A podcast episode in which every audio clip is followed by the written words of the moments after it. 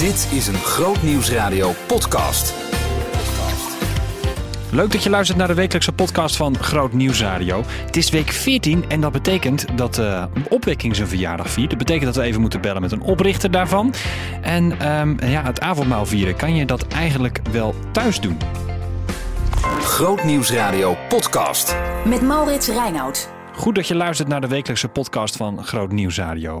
Ik ben blij dat je er bent. Um, ja, deze podcast is eigenlijk een soort keur aan de beste gesprekken van Groot Nieuwsradio. Die we dan voeren in een bepaalde week. Dit is week 14. In week 14 viert Opwekking zijn verjaardag. En dat is voor ons reden om even te bellen met een oprichter van Opwekking. Um, en in deze podcast dus uh, aandacht voor avondmaal tijdens ja, coronacrisis zou je kunnen zeggen. Kan je dat eigenlijk thuis al vieren? We hebben in de Nieuwe Morgen op vrijdag gesproken met een tegenstander van dat fenomeen. Dat je gewoon thuis bij de livestream zit en dan zelf wat brood hebt gepakt en zelf wat wijn hebt ingeschonken en op die manier avondmaal viert. En we spreken ook met een voorstander, die was de gast in Mens en Missie bij mij in mijn programma. Uh, dat later in, uh, in, in deze podcast. Eerst dus even aandacht voor uh, ja, opwekking. Van harte gefeliciteerd zouden we kunnen zeggen. En Peter Vlug, het is een man op leeftijd, maar hij heeft nog zoveel positiviteit en hoop en energie in zijn stem zitten dat je er stijl van achterover slaat. Marien sprak met hem in de dag van vandaag. Nou, ik moet u zeggen, het is uh, ja, dat is heel fijn dat ik op deze wijze dus uh, deze verjaardag mag vieren. Ja. Want het is natuurlijk een geweldig feest. Dat moet ja. u wel zeggen. Ja. 60 jaar. En uh, te weten dat wij op een zeker met een grote bewogenheid hadden, zowel uh, Ben en Wiesje Hoekendijk, Els en ik dan, dat wij dus werkelijk waren met z'n vieren, hadden we grote bewogenheid voor, voor alles op wat te maken had met het evangelie. Ja. Mijn schoonvader Karel Hoekendijk, die had toen de tijd stromen van kracht maar dat was volledig in allerlei kerken en kringen en groepen en zo. En wij dachten, hé, hey, wacht even, we zijn zelf nog een beetje jong. En mijn vrouw die een hele grote visie had voor kinderwerk. Mm -hmm. En dus wij zijn als vier jonge personen, zijn wij gaan werken aan de, aan de situatie van... Uh, ja, een heel, heel Nederland vol met mensen, oud en jong... En wij hebben dus ons speciaal zijn we ons gaan richten op de jongeren en op de kinderen. En uh, natuurlijk uh, samenkomsten gaan houden in diverse kerken, -hmm. zaaltjes enzovoort. En later zijn we dus in de steden met een tent gaan reizen. En oh, daar ja. was dus ruimte voor een kindersamenkomst, ruimte voor jongeren en s'avonds groot feest voor uh, oudere generatie. Oh, ja. Oftewel allerlei mensen, maar we waren altijd vol van het evangelie, omdat we wisten dat Nederland had Jezus nodig. Ja, mooi om te horen. En dat begin, hoe dat, hoe dat is gegaan destijds. Want we kregen, veel mensen die de laatste jaren met opwekking te maken hebben gekregen, kennen het misschien vooral als enorme conferentie rondom het Pinksterweekend. Hoe waren ja. die beginjaren eigenlijk? Was het echt met, met, met 10, 20, 30 man of was het al heel snel honderden? Nee, nee, nee, niet. Het was niet met 10, 20. Het was vrij snel al gauw. Uh, mijn schoonvader die had ook in, sprak altijd in volle kerken, volle zaaltjes en zo. Maar wij waren nog jonger en we zeiden laten we ook gaan rekening houden met de jeugd en de kinderen. En naar aanleiding daarvan hebben we ons specifiek gaan inrichten, gaan richten. En dat is uh, bijzonder. En dat is geleid tot steeds groter. Ja. Want u noemt meteen al Pinksterconferentie. Ja, dat is natuurlijk uh, niet te geloven. We nee. zijn natuurlijk met 243, was mijn grootste tentje... waar er maar ja. 243 in mochten. en nu komen er 60.000. Ja, dit is toch ongelooflijk? Ja, het is ongelooflijk, ja. ja. Had, u, had u dat destijds ooit verwacht dat het zo groot zou worden? Uh, nee, ik, als we het, uh, uh, zo, we, nee, we hebben ons nooit zelf rijker gedacht als dat we waren. dat wilden we ook niet. Wij baden ervoor dat de Heer ons die mensen zou sturen die het nodig hadden. En zowel, mijn, zoals ik al zei, stromen van kracht, het was vrij snel voorbij. En wij waren een jongere generatie en wij dachten toen, we gaan beginnen met het huidige evangelie voor die tijd...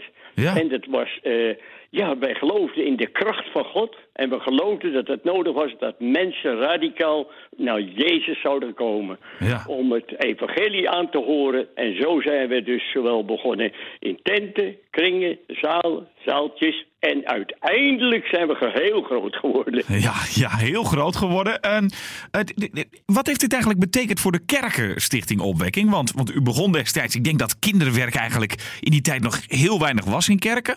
Dus ik kan me zo voorstellen dat kerken naar jullie keken en dachten van ja, dat is een goed idee. Juist, ja, juist. En dat was ook onze bediening. Wij waren natuurlijk zelf al jarenlang eh, dat we in, in allerlei kerkjes en kringen en overal kwamen.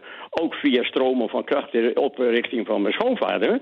En, en uiteindelijk gingen wij dus invullen wat, wat wij misten. Mijn vrouw die zegt, ja, ik zie hier altijd heel veel mensen, eh, maar ik zie geen kinderen. En dus zo kregen we allemaal onze plek. Hè? En dat was Ben was een evangelist. En ik was een manager, organisator. Nou, uiteindelijk is dat helemaal uitgegroeid in mijn hele leven tot nu toe. Waarin we altijd met mensen bezig geweest zijn, enzovoort, enzovoort, enzovoort. Ja, fantastisch om te horen. Ehm, nu is die stichting uh, nog steeds hartstikke actief, hartstikke groot ook. Uh, volgt u de stichting nog op de voet? U bent, bent in, aan het eind van de jaren 80, 88 bent u inmiddels. Volgt u het nog een beetje? Word een beetje. Nee, ik volg het helemaal. ik ben heel enthousiast nog. Hoe kan ik anders zo jong blijven? ik ben 19, ja, ik ben 88, wat wil je dus? Maar ik moet je zeggen, ik heb uh, een tijd geleden al gezegd uh, tegen de, voor, de, de, directeur van opwekking: hou er wel even rekening mee dat ik de aanstaande Pinksterconferentie de hele werkweek wil meemerken. En oh. dat ik daar ook niet ga lopen sjouwen, want ik ben 88. maar ik wil wel de zegen ontvangen, want elke avond is daar een zegen in, de, in de tent. En we zijn begonnen bij 243 mensen in het tentje. En nu zitten er 60.000. Ja. En ik zal u vertellen, daar worden wij nog steeds door rijk door gezegend. Want we hebben maar één opdracht en dat is... Nederland heeft Jezus nodig. Meer dan ooit tevoren. Ja, is het zo? Dat we meer dan ooit tevoren nodig hebben? Werkelijk waar, werkelijk waar. Als we zien in welke situatie we nu zitten... Hè, waar we allemaal moeilijke mee hebben... waar we allemaal onrustig over zijn... dan eh, wordt allerlei dingen... Het is voor ons ook heel, niet alleen voor ons... maar ook de conferentie mag niet doorgaan. Hè? Maar gelukkig, en ik ben blij dat we ook deze mogelijkheid hebben om de mensen toch te, uh, erbij te betrekken en zeggen: lieve mensen, we mogen daar niet de conferenties door laten gaan, maar het leven met de Heer is en blijft hetzelfde. Ja, ja Jezus dat is mooi. is nog steeds voor ons het antwoord, dat is beter. Hè? En zelf, maar er zijn heel veel mensen die gelukkig geleid worden door Gods geest vanuit de Bijbel. En daarom kan ik maar één ding zeggen. Mensen, probeer werkelijk waar in deze huidige moeilijke situatie... werkelijk waar voor Jezus te kiezen. Ja, is dat ook waar u zich aan vasthoudt in deze tijden? Want ouderen hebben misschien, misschien is het voor u nog wel gevaarlijker dan bijvoorbeeld voor mij. Hoe bedoelt u dat?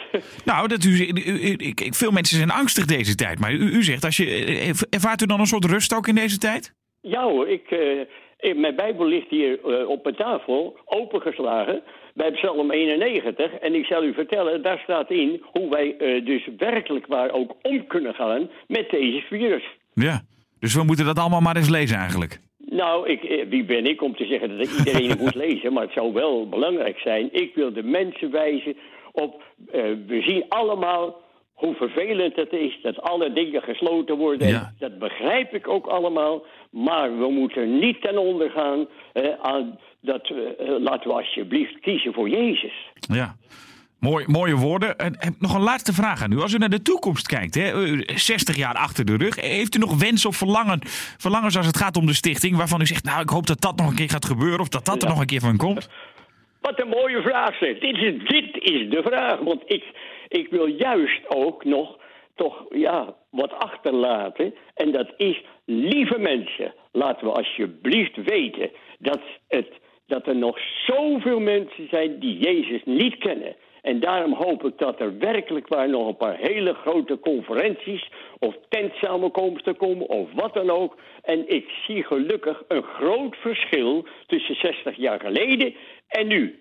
Om reden, 60 jaar geleden werden we altijd nog een beetje gezien, ja dat zijn jongeren. Maar nu zijn er heel veel kerken die ook werkelijk waar en ook Want wat denkt u waar die 60.000 mensen vandaan komen? Uit diverse Ja, kerk. van alles. Als ze met Pinkster komen. En daarom is het zo, er zijn heel veel, ik heb nog veel contacten met mensen die bezig zijn in hun steden om werkelijk waar mensen voor Jezus te winnen. Ja, fantastisch. Mooi om u te spreken, meneer Vlug. Zullen we afspreken dat we het anders gewoon over tien jaar weer doen? Dat, dat is toch wel heel mooi. Nou, dat kan ik nou. Ik, ik geloof veel, maar dat ik, dat ik eh, over twee jaar eh, of over tien jaar, dan ben ik 98. Nee, dat. eh, ik ben wel. eh, eh, ja, ik geloof veel. Maar nu gaat u wel heel veel. maar als ik het voor het zeggen had, dan zou ik nog graag in deze geest verder gaan tot over tien jaar. Tot over tien jaar, eh, zo de heren wil, zeggen we er dan bij, hè? Tot, zo is de Heer het wil. Goed zo. Dank u wel, tot ziens. Hartelijk dank voor deze geweldige mogelijkheid. Dank u wel, dag. Hoor. God u. Dank u wel. Ja, prachtig toch. Zo'n bak positiviteit van, eh, van deze man. Peter Vlug senior dus eh, in de dag van vandaag over opwekking eh, 60 jaar. Grootnieuwsradio podcast. Met Maurits Reinoud. De kerkdienst gaat in deze tijd op een hele andere manier. Door de coronacrisis. Er zijn heel veel livestreams in het hele land. Kerken organiseren dat zelf. Zijn inmiddels al een eindje op weg met de techniek daarvan. Maar er zijn natuurlijk ook wat grotere organisaties die dat op een andere manier aanpakken. Groot Nieuwsradio is er één van. Op zondagochtend standaard een kerkdienst tot 1 juni. Ehm, maar kerkendienst volgen vanuit je huis is toch wel heel anders dan ja, dat je dat zou doen ehm, in de kerkbanken. En, en dan kom je ook tegen, loop je tegen grenzen aan. Eén daarvan, en die doemt al een beetje op, dat is in de stille week. Hoe vier je eigenlijk avondmaal op het moment dat je niet fysiek in de kerk bent? Er zijn voor- en, en tegenstanders. We spraken Mirella Klomp, die schreef een artikel in Trouw. Een opinieartikel over dat dat toch eigenlijk wel heel ingewikkeld is. En dat je er eigenlijk niet aan moet beginnen. Thuis zelf het brood breken. Ehm, dat fysieke samen zijn is ehm, eh, belangrijk omdat.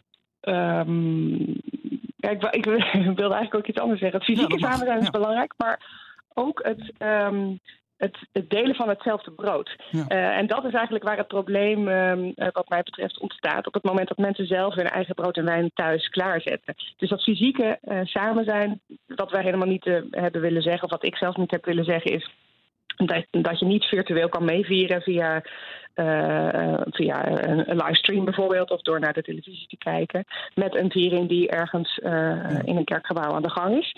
Ehm, maar dat, dat, er, dat, het, eh, dat het lastig wordt op het moment eh, dat er eh, brood en wijn genuttigd wordt. Want op dat moment kun je niet deelnemen aan diezelfde viering. Je hebt een ja, je hebt echt brood eh, uit je eigen keuken nodig eh, om te kunnen vieren. En ehm, eh, de kern van het avondmaal is nu juist dat het ene brood, wat staat voor het lichaam van Christus, dat dat eh, gebroken wordt en gedeeld. Ja, dat, dat, dat, dat ene brood, dat is dus dan cruciaal in de, in de avondmaalsviering. Maar eh, dat, dat bedoelt u dan echt, echt heel, heel letterlijk. Dat, dat moet echt één brood zijn en niet ja, het brood als teken van het lichaam van Christus. Nou, dat, ehm, eh, kijk, wat ik veel hoor in de hele discussie die dit alles heeft opgeroepen, is dat ehm, ehm, dat, dat, ehm, dat dat brood niet. ehm, eh, kijk, dat dat brood niet altijd eh, eh, één. Eh, één heel brood is wat op het moment zelf in de viering gesneden wordt. Hè. Dus je hebt bijvoorbeeld ook glutenvrij brood, wat dan natuurlijk anders is Ja. voor de mensen die allergieën hebben, et cetera, et cetera.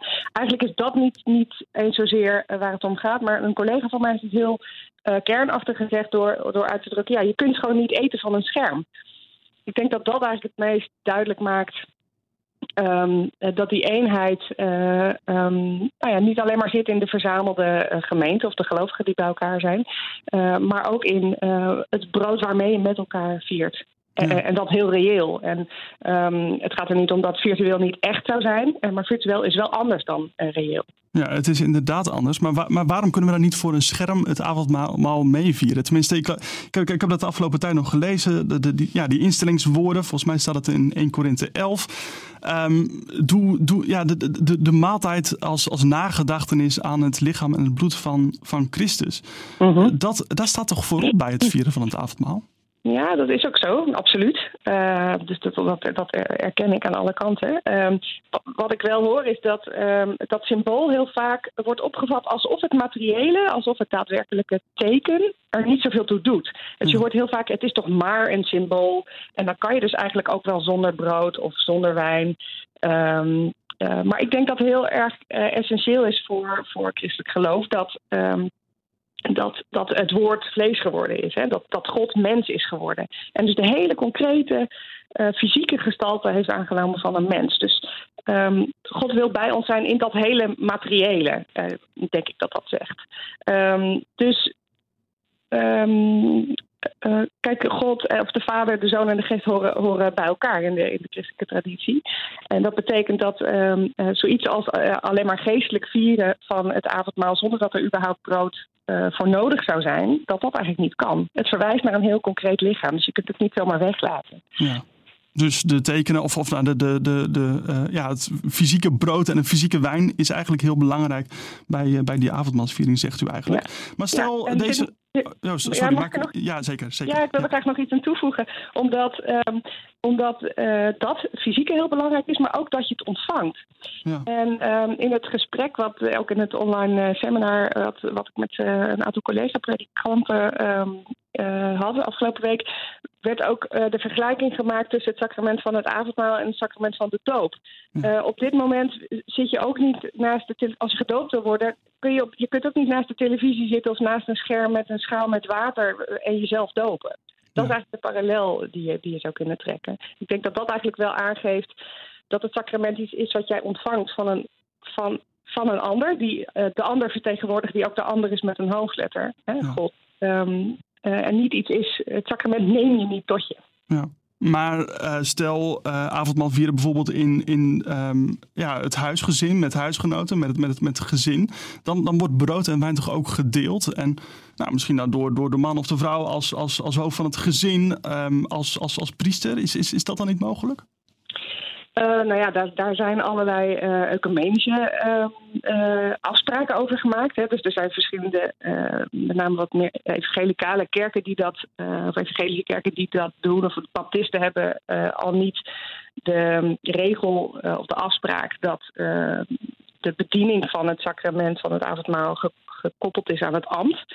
Maar in de protestantse tradities is dat ja. wel zo. Is dat in de bredere wereldwijde ecumene is dat zo. Um, dus thuisavondmaal, als het, gaat, als het erom gaat dat, um, uh, dat gezinnen onder elkaar het avondmaal vieren, um, ja, dat, dat, levert, dat levert ook dat ja. levert dezelfde vragen op. Uh, je plaatst jezelf daarbij eigenlijk buiten de kerk. In ieder geval als je behoort of lid bent, tot, uh, lid bent van een kerk die die ook die afspraken heeft. Hè? Ja, ja dat, dat, dat maakt misschien dan, dan een verschil tussen evangelische christenen en, en protestantse en katholieke christenen.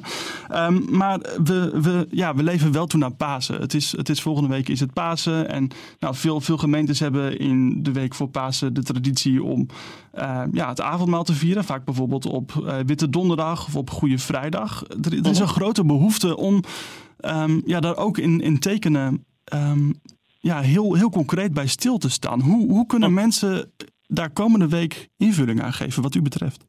Ja, nou, ik herken heel erg die behoefte, hè, want dat was ook waarom de hele discussie over online avondmaal vieren, of dat kan, ja of nee, uh, waar die uit voortkwam. Juist uit het feit uh, dat je best wel een paar weken uh, zonder avondmaal kunt, maar dat het nou juist Pasen wordt. Ja. en dat dat ons voor die grote vraag stelt. Nou ja, um, als je dus als je, zoals ik het er niet een goed idee vind om uh, uh, digitaal uh, met je eigen brood en wijn thuis klaar te zitten en een avondmaal mee te vieren, um, dan zijn er nog heel veel andere manieren um, waarop je wel die gedachtenis kunt vormgeven. Hoe dus, dan? Nou ja, het lezen van het Bijbelverhaal van het laatste avondmaal ligt natuurlijk het allermeest voor de hand. Uh, maar er zijn ook vormen van huisliturgie uh, die bestaan uit gebed en het aansteken van een kaars. Die, die op het moment ook met name op internet de ronde doen, zeg maar. Dus er zijn allerlei voorstellen. En er zijn ook heel veel predikanten die zelf dingen aanbieden voor hun, voor eigen gemeenteleden of in de context van hun eigen gemeente. En er wordt ehm, eh, ook door hen, als ze ervoor kiezen om een kerkdienst uit te zenden, eh, echt nagedacht over alternatieven. Dus in het seminar ehm, van van de week was er een aantal predikanten dat zei: ja, ik zou eigenlijk die gebrokenheid eh, van, van, van het leven, en, en zeker zoals we die nu ervaren rondom al die coronamaatregelen, die ons allemaal treffen, die gebrokenheid zou ik willen laten staan. Um, en ik overweeg om dat te doen door uh, wel een avondmaalsviering uh, te doen in de kerk. Die, die wordt uh, online uitgezonden, maar dan op het moment van het breken van het brood, of eigenlijk daarna, niet te eten. En op, op die manier zich ja, ook wel solidair te verklaren met de gemeenteleden die thuis meekijken en ook niet kunnen eten. Uh, of in ieder geval dat niet doen.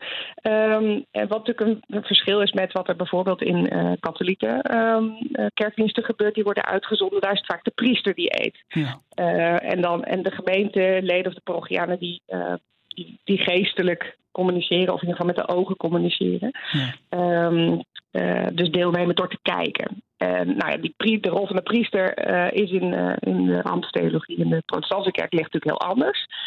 Um, maar juist om, om te delen in, oké, we kunnen dat nu niet en we willen het verlangen naar het, uh, het vieren van brood en wijn. Het vieren van het avondmaal willen we um, gaande houden, willen we wakker houden.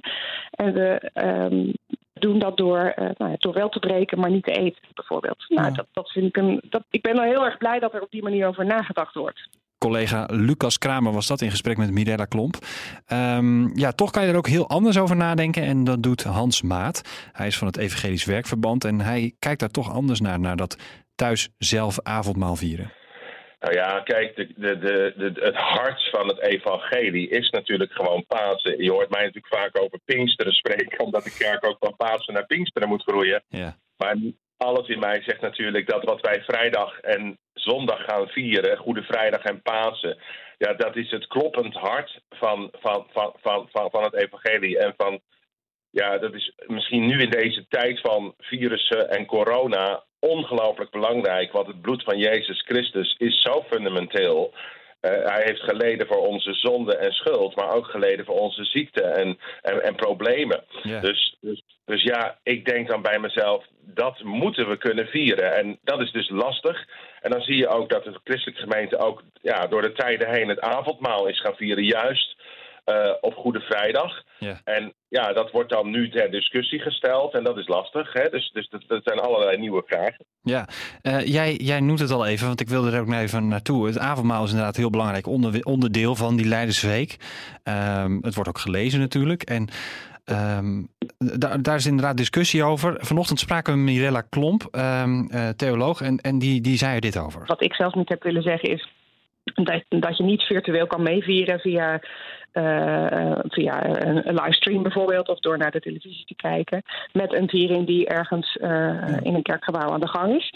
Uh, maar dat, dat, er, dat, het, dat het lastig wordt op het moment dat er brood en wijn genuttigd wordt. Want op dat moment kun je niet deelnemen aan diezelfde viering. Je hebt een ja, je hebt echt brood uit je eigen keuken nodig om te kunnen vieren. En um, uh, de kern van het avondmaal is nu juist dat het ene brood, wat staat voor het lichaam van Christus, dat dat gebroken wordt en gedeeld.